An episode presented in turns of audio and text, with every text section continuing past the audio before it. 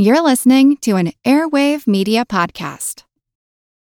Without the ones like you, who work tirelessly to keep things running, everything would suddenly stop. Hospitals, factories, schools, and power plants, they all depend on you. No matter the weather, emergency, or time of day, you're the ones who get it done. At Grainger, we're here for you with professional grade industrial supplies. Count on real time product availability and fast delivery. Call clickgrainger.com or just stop by. Grainger for the ones who get it done. As a longtime foreign correspondent, I've worked in lots of places, but nowhere as important to the world as China. I'm Jane Perlez, former Beijing bureau chief for the New York Times. Join me on my new podcast, Face Off US versus China, where I'll take you behind the scenes in the tumultuous US China relationship. Find Face Off wherever you get your podcasts. This is Kick Ass News. I'm Ben Mathis. Hey, folks. Ben Mathis here with a couple important announcements. You know that we have great advertisers that support the show and keep it free for you to listen. And one of the reasons why advertisers love Kick Ass News is that they know the show has amazing listeners. Right now, we have a survey that I'd like you to take to help us learn more about our audience. Just go to podsurvey.com slash kick.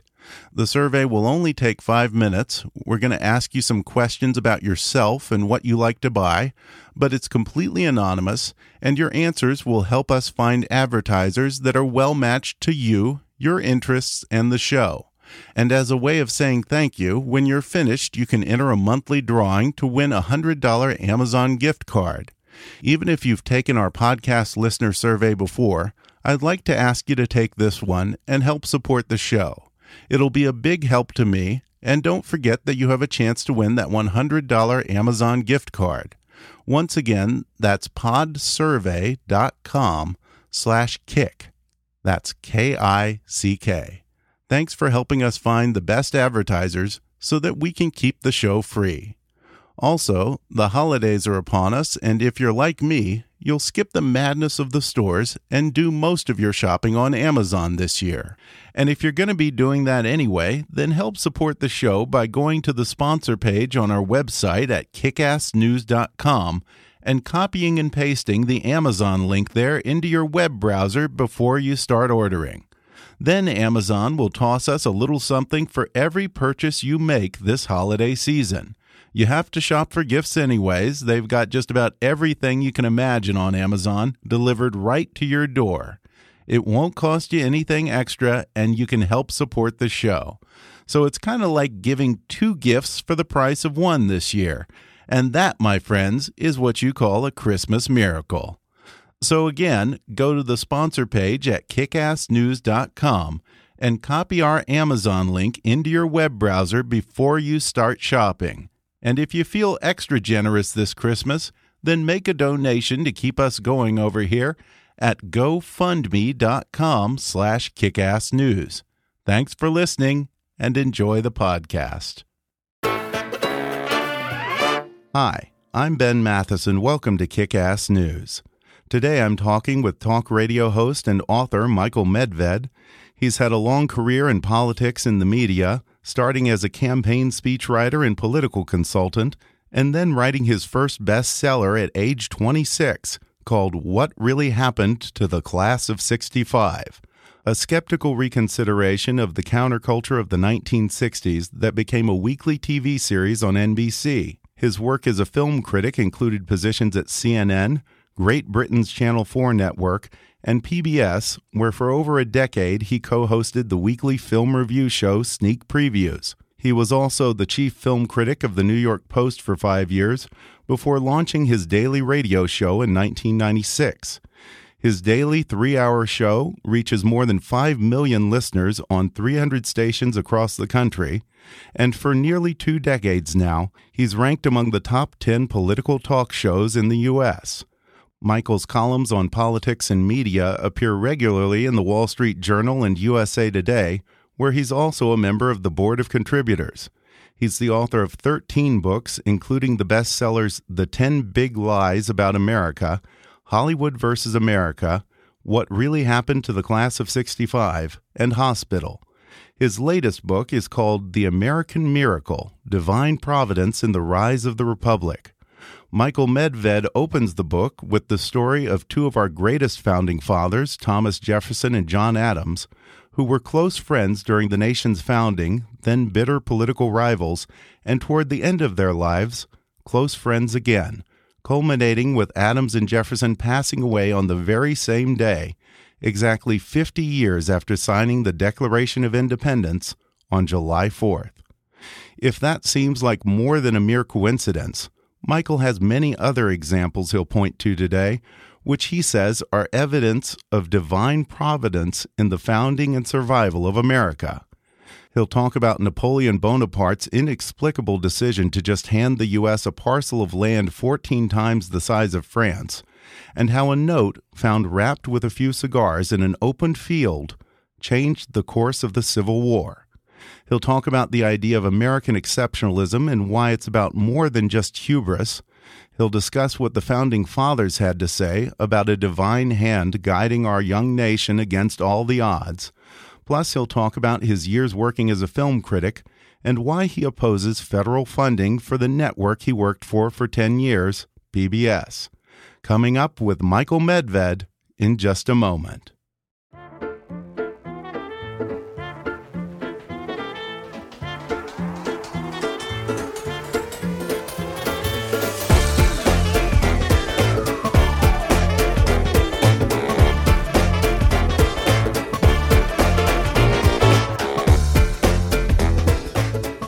Today I'm joined over the phone by conservative talk radio host and author Michael Medved. His show, The Michael Medved Show, is broadcast every day to 300 stations across the country, and he has a new book called The American Miracle Divine Providence in the Rise of the Republic. Michael Medved, thanks for calling in. Oh, my great pleasure. Great to talk with you. Well, you'll have to forgive me, Michael, because I'm getting over a cold and I'm terribly hoarse today.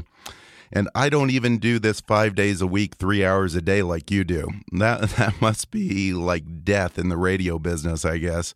Do you have any secrets for me? Well, um, the the number one secret would be don't get throat cancer. Okay. I uh, uh, I was very very lucky. I've I've been doing this for 20 years, and uh, up until the point that I was diagnosed with cancer, which was the very end of 2014 uh, I I basically had overcome colds and difficulty to uh, to sound pretty good on the air, even when when you're sort of struggling. And you know, they always say hot tea with lemon. I've got it right uh, here. well, there there you go. But I uh, fully intended to try to work through uh, my cancer treatments. I had seven weeks of radiation and chemo, and uh, and then uh, it sort of got the better of me. I had to miss 11 weeks on the air. And I, I will tell you, and I think you would find this too, when you're sort of used to this outlet and the ability to speak to people on such a regular basis, those 11 weeks were difficult, partially because of being hospitalized and losing my hair and stuff like that. But uh, uh, the hardest part was accepting the idea that I, I wasn't ready to come back and when I finally did, um, after, after 11 weeks, it was such a blessing, and also because it allowed me to finish this book. Uh, and uh, in any event, so my advice uh, would be to avoid all of the risk factors, which, by the way, include smoking cigars, which is so popular with people in talk radio. Right. Uh, but uh, and to, uh, if at all possible, avoid throat cancer. Okay. Okay. I'll, I'll work on that as soon as I get over this cold. Um, now, Good. How, I'm curious. That, that talking about throat cancer makes you appreciate the cold more. Yes, yes, yeah, yeah. There's always a bright side to things. Um, I'm curious. How does one go from being a movie critic to a conservative radio host? What's that career path like? Well, the, the more interesting career path to me is is going from um, being uh, a student at Yale Law School and uh, then a political aide for several years and uh, a writer about politics and the presidency to being a movie critic, which is really the the path that I took. I did a book a couple of years ago called Right Turns, which is about going from being a uh, punk liberal activist, which I was, to becoming the lovable conservative curmudgeon, uh, which I am. And I uh, I have never sort of grew up as one of these guys who was a movie nerd or a movie geek, but what I did is is uh, my third book was uh, a book about the worst movies ever made, which I did with my kid brother, who uh, who is was and is a, uh, a really a true true movie buff, and because of that book and promoting that book, uh, and and doing it on air, uh, I ended up uh, being invited to come back to the same show on CNN for a while, and then uh, ended up being actually the first movie critic on CNN in 1980, and uh, and then did movie uh, commentary for British TV for a year, and uh, then PBS, and uh, and and during that entire time period, I continued to be involved in in politics and writing about politics and history, and uh, uh, then I did a book which sort of combined the two things called Hollywood versus America, which was really about the impact and negative impact, I thought, of the entertainment industry. And uh, through that, I was invited to guest host for Rush Limbaugh. Um, and uh, because Rush, when he was launching the the Limbaugh letter, uh, which was back in '92, uh, I was one of uh, his first uh, guests, uh, one of his first interviews on the Limbaugh letter, and after that, he asked me to guest host his show. So that's basically the way it went. Okay. And uh, and then I guest hosted for Rush about 30 times on 30 different occasions, and uh, and then uh, was offered my own show in uh, 1996. You kind of started out in politics, then got into movies, and then came back to politics. So you came full circle. Well, yeah, but but continue the political stuff. I, I was I was very active, for instance, in uh, both campaigns for uh, the first, the second campaign for President Reagan, and then both campaigns for uh, George Herbert Walker Bush, particularly the the 1988 campaign, which we won, and uh, giving speeches around the country and, and very involved in the Republican Jewish coalition. So yeah, I mean, uh, I could, that was during the time that I was working full time for PBS, which was kind of an uncomfortable fit. I'll because, well, I was one of the very few people on air every week on public uh, broadcasting as co-host of Sneak Previews, where I was very outspoken. I, I don't believe that there should be federal funding for television. I mean, I think the whole idea that we spend hundreds of millions of dollars in the Corporation for Public Broadcasting is fraudulent and inappropriate, and I've always thought so. Well, I believe that's what's called biting the hand that feeds you, Michael. in that well, case. To, to, to, it, it, except you know, it, it really isn't in this regard. Most Yeah. people don't realize this, and the same thing is true of Planned Parenthood, which is why I'm opposed to government funding for Planned Parenthood. It's not that it's a moral issue; it's an issue of, of practicality. Mhm. Uh, uh, public television gets about 10% of its uh, uh, total costs uh, paid by government on all different levels. Uh-huh. Almost all of it is from subscribers, from corporate underwriting, which is the great bulk of the money that they get, from different donations that they get that don't come from government sources.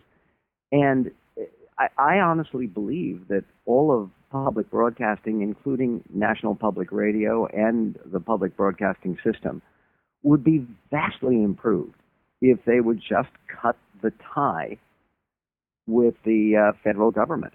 And um, and again, they they would be more independent. They'd be less subject to political trends, and and and and also it's just inappropriate in a constitutional republic to take taxpayer money to fund entertainment. Yeah. Well, you know, I know here in Hollywood, the industry itself is rabidly liberal. Would you say it's the same among film critics? Oh, it's worse. Uh, because there are people in in the Hollywood community who, uh, uh, creative community, who are outspokenly conservative. Uh, Clint Eastwood, who made one of the best movies of 2016, Right. Sully, uh, is uh, was uh, very vocally not only supporting Romney in 2012, but supporting Trump in 2016. And uh, th- there are several others, and they're fairly well known. Uh, I mean, Bruce Willis was uh, supporting Donald Trump, and and and there are more in, in the film critical community. Um, Franz Liszt, the great composer, once said that um, all of music is an insane asylum, but opera is the wing for incurables. and uh, I- I would say that you could say that all of Hollywood is an insane asylum, but the critical branch is the wing for incurables. Uh, there, there really have not been, except for people who do websites from a um, religious conservative point of view, and there's several like that. But in terms of mainstream outlets, newspapers, or uh, media outlets, uh, I, I think you're talking to very close to 100% Yeah. of Wow. uh, sort of credentialed film critics who could be described as conservative. Now, are you still a big movie buff? What's what's the best film that you've seen this year? Uh, there are a couple of films that I've seen this year that I think are terrific. La La Land, which is the front runner for Best Picture, is genuinely a great film. Uh, I thought Florence Foster Jenkins was a great film with Meryl Streep and Hugh Yeah. Grant. And we uh, on the radio show we uh, do a new movie review or a uh, uh, a new uh, a DVD release uh, review every day. And then on Friday, we, we focus on the uh, the brand new big releases and spend one segment on it. Now, it's not a, a great part of the show. I mean, most of the show is talking about the breaking news in politics and pop culture. Um, but uh, but but still, I mean, in, in terms of uh, uh, keeping a, a focus on looking at the most important new films, we do that too. I think we're the only national political talk show that does that. Well, I want to talk about this great new book that you have. It's called The American Miracle Divine Providence and the Rise of the Republic. Um, it's packed with great stories of American history. And I guess I would say the thesis of your book would be that America was no accident, that there has been some sort of providence, some would say the hand of God, at the most critical points in our nation's history. Is that right? That's exactly right. I mean, in fact, America is no accident was one of the alternative titles that uh, we were thinking about way way back when when this book was beginning, because this really goes to uh, the difference between the United States and other countries in the world. Uh, people talk about American exceptionalism. And a lot of folks have a, a misunderstanding of that. Uh, American uh, exceptionalism, and I make this argument in my book, The American Miracle. American exceptionalism doesn't mean American perfectionism. It doesn't mean that the country is without fault. It doesn't mean that everything we've done has been uh, perfect or blessed or uh, genuinely good. What it does mean is that uh, America seems to be uniquely protected. And Otto von Bismarck in 1898, the great Iron Chancellor who established modern Germany, once said that uh, uh, God has a special protection uh, for imbeciles, drunkards, lost dogs, and the United States of America. and and it, it would certainly seem to be that way in our history. And and when you begin looking into it, and, and the American Miracle focuses on twelve different stories. Some of it is so improbable and struck the people who lived through it as so miraculous and shocking and unexpected that you have to ask, what the heck is going on here? And this is operated throughout American history. You say that most of the founding fathers believed that they weren't just lucky. Talk about a few of the most prominent figures in their beliefs in this idea of a guiding hand in America's founding. Well, how about George Washington, John Adams, Thomas Jefferson, James Madison, James Monroe, the first five presidents of the United States. How about Alexander Hamilton, Benjamin Franklin? and for people who who say, well, wait a minute, these guys were religiously unconventional. Many of them were. Uh, Washington certainly was not conventional in his religious ideas. He did not like going to church. But that same George Washington, in his first inaugural address, thought that the idea of divine providence was so important that in his first inaugural address, April 30th, 1789, George Washington said, No people can be bound to acknowledge and adore the invisible hand which conducts the affairs of men more than those of the United States. Every step by which these states have advanced to the character of an independent nation seems to have been distinguished by some token of providential agency. And, and even the most skeptical of the founding fathers, including Jefferson and Thomas Paine, uh, saw the hand of some larger force, even if you don't want to identify it as God, even if you don't want to associate it with the Bible. Uh, that force they recognized as there. Benjamin Franklin, who was also a um, uh, probably a theist, he was certainly not someone who was a, a classical Christian. But at the Constitutional Convention, and I tell this story in the book because one of the miracles that I describe in the American Miracle is that miracle of the Constitutional Convention. Usually, if you get 55 people together, who don't agree on anything. uh, if they yeah. come up with something through compromise and through editing and re-editing and voting and arguing, it's going to be a mess. Okay, the Constitution they came up with has been the uh, the the most successful by far uh, charter for any nation ever. Uh, there is no precedent of uh, the same constitution, the same operative document uh, serving as a basis for a, uh, a nation state for more than 200 years, as our Constitution has. But in any event, Benjamin Franklin said to the Constitutional Convention, I have lived, sir, a long time, and the longer I live, he was 81, the more combining proofs I see of this truth that God governs in the affairs of men. And if a sparrow cannot fall to the ground without God's notice, is it probable that an empire can rise without his aid. We're going to take a quick break, and then I'll be back to talk more with radio host and author Michael Medved when we come back in just a moment.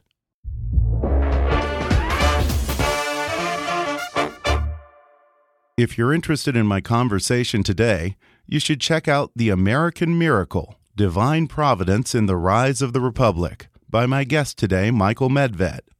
And right now, you can download the audio version of his book for free with a special promotion just for our listeners from audible.com. Just go to audibletrial.com slash kickassnews for a free 30-day trial and a free audiobook download, which can be The American Miracle by Michael Medved or any of Audible's 180,000 titles.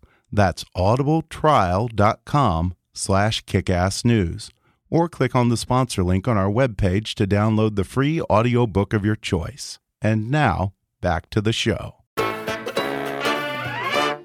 Later, you talk about the Louisiana Purchase, a seminal event in American history that added, I think, 15 new states to the U.S. To this day, it seems that no one really knows why Napoleon, the greatest conqueror of his era, decided to just be a nice guy and give up territory to this little upstart nation.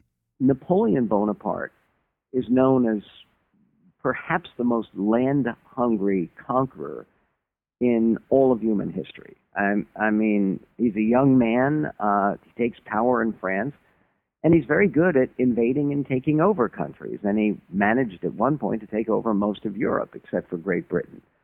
So how is it that Napoleon Bonaparte gives away uh, a, a, a chunk of territory that is four times larger than the nation of France that that he governs, and that's what he did with the Louisiana Purchase, and he really did just give it away, just got rid of it yeah. impulsively, and it's an incredible story that most Americans don't know that involves the only successful slave rebellion in all of human history involves an untimely and unseasonable and unprecedented freezing over of a, of a harbor in Holland, uh, where Napoleon, by the way, had set up a, a fleet that he was going to send over uh, to uh, uh basically defend and occupy Louisiana.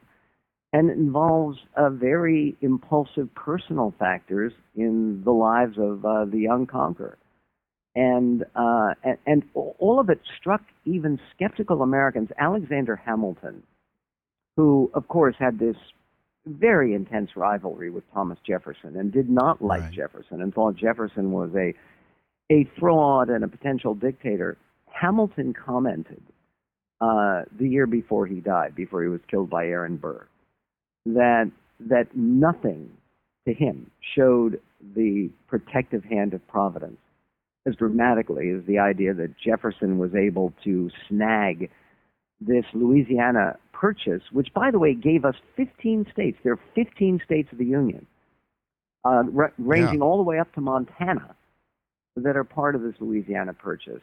And, uh, and, and General Horatio Gates, one of the great heroes of the Revolutionary War, commented, uh, "There is an air of enchantment to it. No one can fully understand." And it would be very tough to look at that without seeing some providential element. Now, you also talk about the pilgrims and how the deck was pretty well stacked against them ever being able to establish a colony in America. How did everything fall into place? Well, you can see that um, with the uh, the prior experience uh, of of Sir Walter Raleigh trying three times to establish a settlement in Virginia and each time, uh, people either starved to death or they were kidnapped by Indians or uh, it fell apart. The, the, famous story of the lost colony in 1588, mm-hmm. the colony of Roanoke, of Roanoke um, showed that this was not an easy matter. And Britain was very, very late to the colonial game. The Spanish had been uh, settling the New World for more than 100 years before the British even uh, made a, a serious attempt. And the attempt of, of, of the pilgrims, it's 143 people, uh, of whom about half were part of this religious community, half were other stragglers and former prisoners and people who were poor who just wanted to be part of it. And they were aiming, they had a, a charter, and they were aiming to settle a place that had already been appearing on maps called Manhattan Island. And it's fascinating to, to, to think of what would have happened if they had been able to navigate more successfully. Uh, but they were headed directly, they had decided this is the right place, this is an island, it's going to be a great natural harbor, you can build a successful city here one day. Well, they missed Manhattan Island by a little bit, actually by 250 miles, and they end up in Cape Cod. And it's winter time and it's so cold and it's so miserable that, that the wife of the governor, the leader of this settlement, William Bradford, uh, takes a look at the forbidding woods and the icy waters, and they've left home behind them. It's uh, uh, some six weeks on the other side of the ocean. And she throws herself overboard and commits suicide.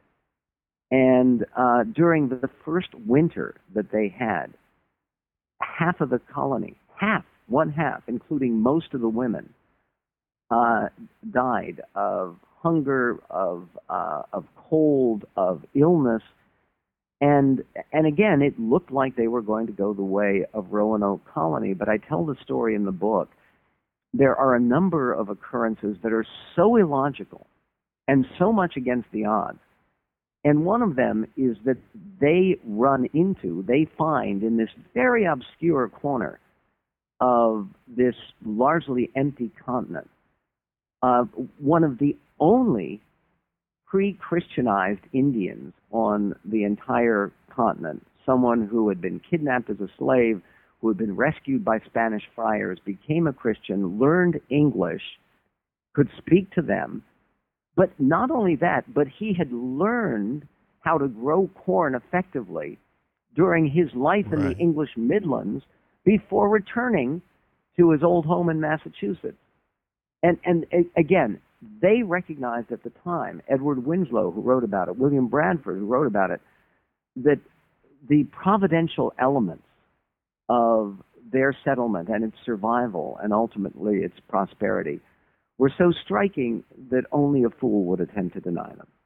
Yeah, and one thing that I found interesting in this book is, you know, revisionist history likes to portray the pilgrims as having taken advantage of the Indians, but you say that the pilgrims greatly respected the Indians and saw them as equals, right? Yeah, and and this is and and so to some extent did the Puritans, who of course came ten years later. And uh, one of the things that is is simply not true is the idea that there was this ideology that that the settlers in New England had to quote wipe out the Indians. Uh, the the warfare that did exist, including the Pequot War, which the Pilgrims engaged in, but then m- much later King Philip's War, were largely defensive wars. In 1675, uh, one fourth of the population of the colony of Connecticut was um, slaughtered by uh, by very organized uh, intertribal uh, attempt by the Indians to drive out the Europeans once and for all. Uh, you could say that that as a percentage of the population, uh, more people died in King Philip's War than even the Civil War. It was a very very serious battle that went on for two years. So, but before that, um, the the uh, pilgrims had made clear, and this is something I, I've written about before in other books, the disappearance of the Native American population was only very, very slightly through warfare or massacres. Most of it was through disease. And the other aspect that was almost equal to disease in dissolving and reducing the Indian population was conversion and intermarriage. Uh, there was always a prominent group of so-called praying Indians uh, who were Indians who became Christian and uh, were very often, and most often, particularly in the southern United States, incorporated uh, into the uh, the general population. Toward the end of the book, you even get into the Civil War. Lincoln was known for being a great believer in omens and dreams and providence. What are some examples of his seeing a larger hand in his personal destiny? Well, he he began uh, making those declarations when he was a very young man, and he always appears to have been haunted by the sense that he was destined for something great, which is really very peculiar because he grew up in such uh, difficult and impoverished circumstances, and uh, he also suffered throughout his life from what what most experts today believe to be clinical depression. He went through several serious depressive episodes. But he had this abiding sense that God had chosen him. He, he said it on at least 10 occasions that uh, he saw himself as an instrument, and he used that term repeatedly an instrument of uh, the Almighty, of, of a greater hand. And uh, again, if you look at his second inaugural address, which was the last major speech he delivered before he was uh, murdered five weeks later. Five weeks later. Um, if you look at the second inaugural address, it, it is a sermon, basically. He mentions uh, uh, uh, fervently do we hope, uh, mightily do we pray that this mighty scourge of war should speedily pass away. Uh, and uh, the the other aspect of Lincoln that is is truly phenomenal is in a very public way at his last cabinet meeting, which was the Friday morning before the Friday night of Good Friday, where he was murdered, uh, he tells the cabinet about a dream that he's had. And this right. is recorded by all the cabinet members, and General Grant was at that cabinet meeting. And, and the dream involved him uh, traveling on a boat over dark water to a distant shore and he doesn't know where that is. You also talk about a turning point in the Civil War that came about because a pair of Union soldiers in a field in Maryland stumbled onto a bundle of cigars wrapped in paper. What was on that paper? This is one of those truly remarkable stories that, unless you believe that there is some higher power involved here, you cannot understand it. Is that Lincoln drafts the Emancipation Proclamation in the summer of 1862. And he reads it to his cabinet, and they sit there stunned. And uh, they basically say, Mr. President, you can't issue this now until we have some victory. And he says directly, I will wait until we see a sign and until the good Lord sends us a sign. And then he gets that sign through the most remarkable circumstance on September 17, 1862. Uh, there are two enlisted men of uh, the Indiana 44th Indiana Volunteers who were resting in a field in Maryland after marching all night. And one of them, whose name is uh, Corporal Barton K. Mitchell, reaches out and touches with his left hand something in the tall grass near where he's stretching out and resting. And he sees it's three cigars, and they're wrapped in some papers. So he takes out the cigars, starts asking for a light, and then his buddy, uh, whose name is Sergeant John McKnight Bloss, uh, says, "Wait a minute, what are these papers?" And the papers were, were the Confederate General Order number 181, which gave the entire disposition of Lee's troops. And Wow. every military historian will tell you that without those papers, there is no federal success at the Battle of Antietam. Wow. And it was that federal success and the discovery of these miraculous lost dispatch orders that persuaded Lincoln, and again he said it to his cabinet, and it's recorded verbatim by two cabinet members, Gideon Welles and Salmon Chase, that Lincoln saw the discovery of these orders and the federal uh, uh, standoff at Antietam, saw that as a sign from heaven that encouraged him to issue the Emancipation Proclamation in January. Yeah, that's pretty unbelievable. I, I don't know what Confederate wrapped his cigars in military plans, but I'd say that's the Civil War equivalent of using a private email server. it's it's actually much worse, and General Lee said so after the war. Really? Uh, Gen- uh, General Lee said it it it must have been um, providence yeah. that that caused the lost dispatch. Wow. That uh, that that alone ruined our plan of battle. This idea of American exceptionalism is something that President Obama has taken issue with. He said the British believed in British exceptionalism, the Greeks believed in Greek exceptionalism. Why is America different? Well, because America has a beginning uh, and a creation, not just an evolution. Uh, if you talk about the British or the Greeks, um, uh, British society has evolved. Um, if you ask someone, if you ask Queen Elizabeth, um, when did uh, when did uh, British history begin? what would the answer be? Yeah. uh, the answer would be Britannia was a province of the Roman Empire, Mhm. uh, and it was Celtic and Roman. And then the Angles and the Saxons invaded and added their elements, and then you have the Norman invasion in 1066, and then you have the Magna Carta at 1215, uh, and then Parliament started somewhat thereafter as a serious force, and then you have the English Civil War in the 1600s. Where's the beginning? in, in in America, we have a beginning. yeah. And and what this argues for is people argue about creation, intelligent design versus evolution. And uh, in, in American history, there's no question that the nation was created. It was a good idea.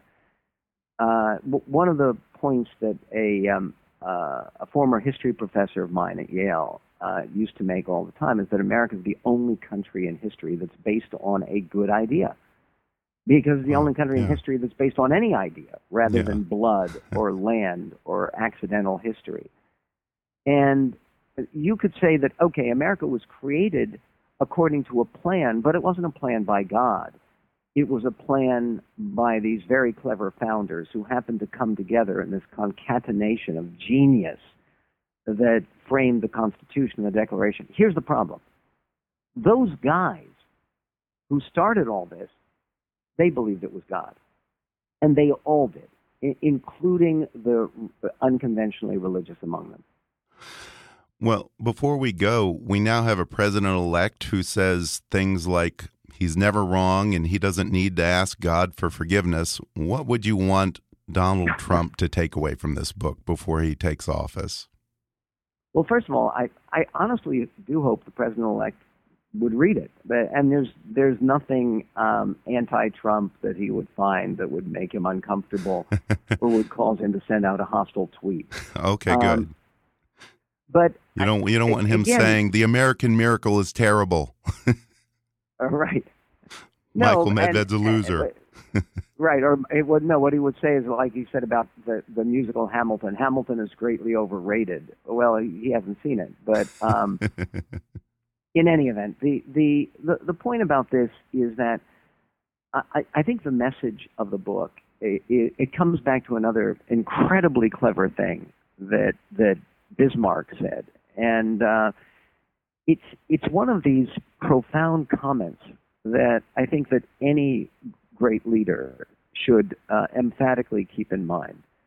And um, part of what Bismarck said is it is the role of any statesman to uh, listen for the footsteps of the Almighty in history, and then to try to fasten on to his coattails. And and and that's part of what uh, all of our great presidents have done has been to to try to hook up with, link up with the, the sort of the unseen pattern, what Hegel and Tolstoy called the will of history. And uh, I do believe that uh, it is possible, and in fact necessary, uh, for for the new president to to try to adjust to that. Yeah. Well, it's a compelling read. Again, the book is called The American Miracle Divine Providence in the Rise of the Republic. It's available on Amazon and Audible. Michael's radio program, The Michael Medved Show, airs every weekday. You can find your local station at michaelmedved.com. Michael, thanks for joining me. What a great pleasure, and thanks for your uh, careful and sympathetic reading of The American Miracle. You bet. Happy holidays, Michael. You too. Merry Christmas, Happy Hanukkah, uh, and uh, a splendid solstice to you. Thank you very much, Michael. You bet. Thanks again to Michael Medved for joining me. If you enjoyed today's podcast, then you can order his book, The American Miracle Divine Providence in the Rise of the Republic, on Amazon. Or you can download the audio version of his book for free with that special offer just for our listeners at audibletrial.com slash kickassnews. Again, Michael's radio show airs every weekday. It's syndicated on the Salem Radio Network for stations and airtimes, visit Michael's website at michaelmedved.com and follow him on Twitter at, at @medvedshow. Don't forget to take our listener survey so we can keep the show free and find advertisers who are best matched to you, our listeners. Just take five minutes to go to podsurvey.com slash kick and take the survey. And when you're done, be sure to register for that $100 Amazon gift card giveaway. And once again, before you start your Amazon shopping this Christmas, visit the sponsor page on our website at kickassnews.com and copy our Amazon link into your web browser first. Then Amazon will kick us a little coin for every order you make this season. Be sure to subscribe to Kickass News on iTunes and leave us a review while you're there. You can visit Kickass News on Facebook or follow us on Twitter at, at KAPolitics. And please be sure to recommend Kickass News to your friends on your social media. And if you really want to help out, then donate to our GoFundMe campaign at gofundme.com slash kickassnews. As always, I welcome your comments, questions, and suggestions at comments at kickassnews.com. For now, though, I'm Ben Mathis, and thanks for listening to Kick Ass News.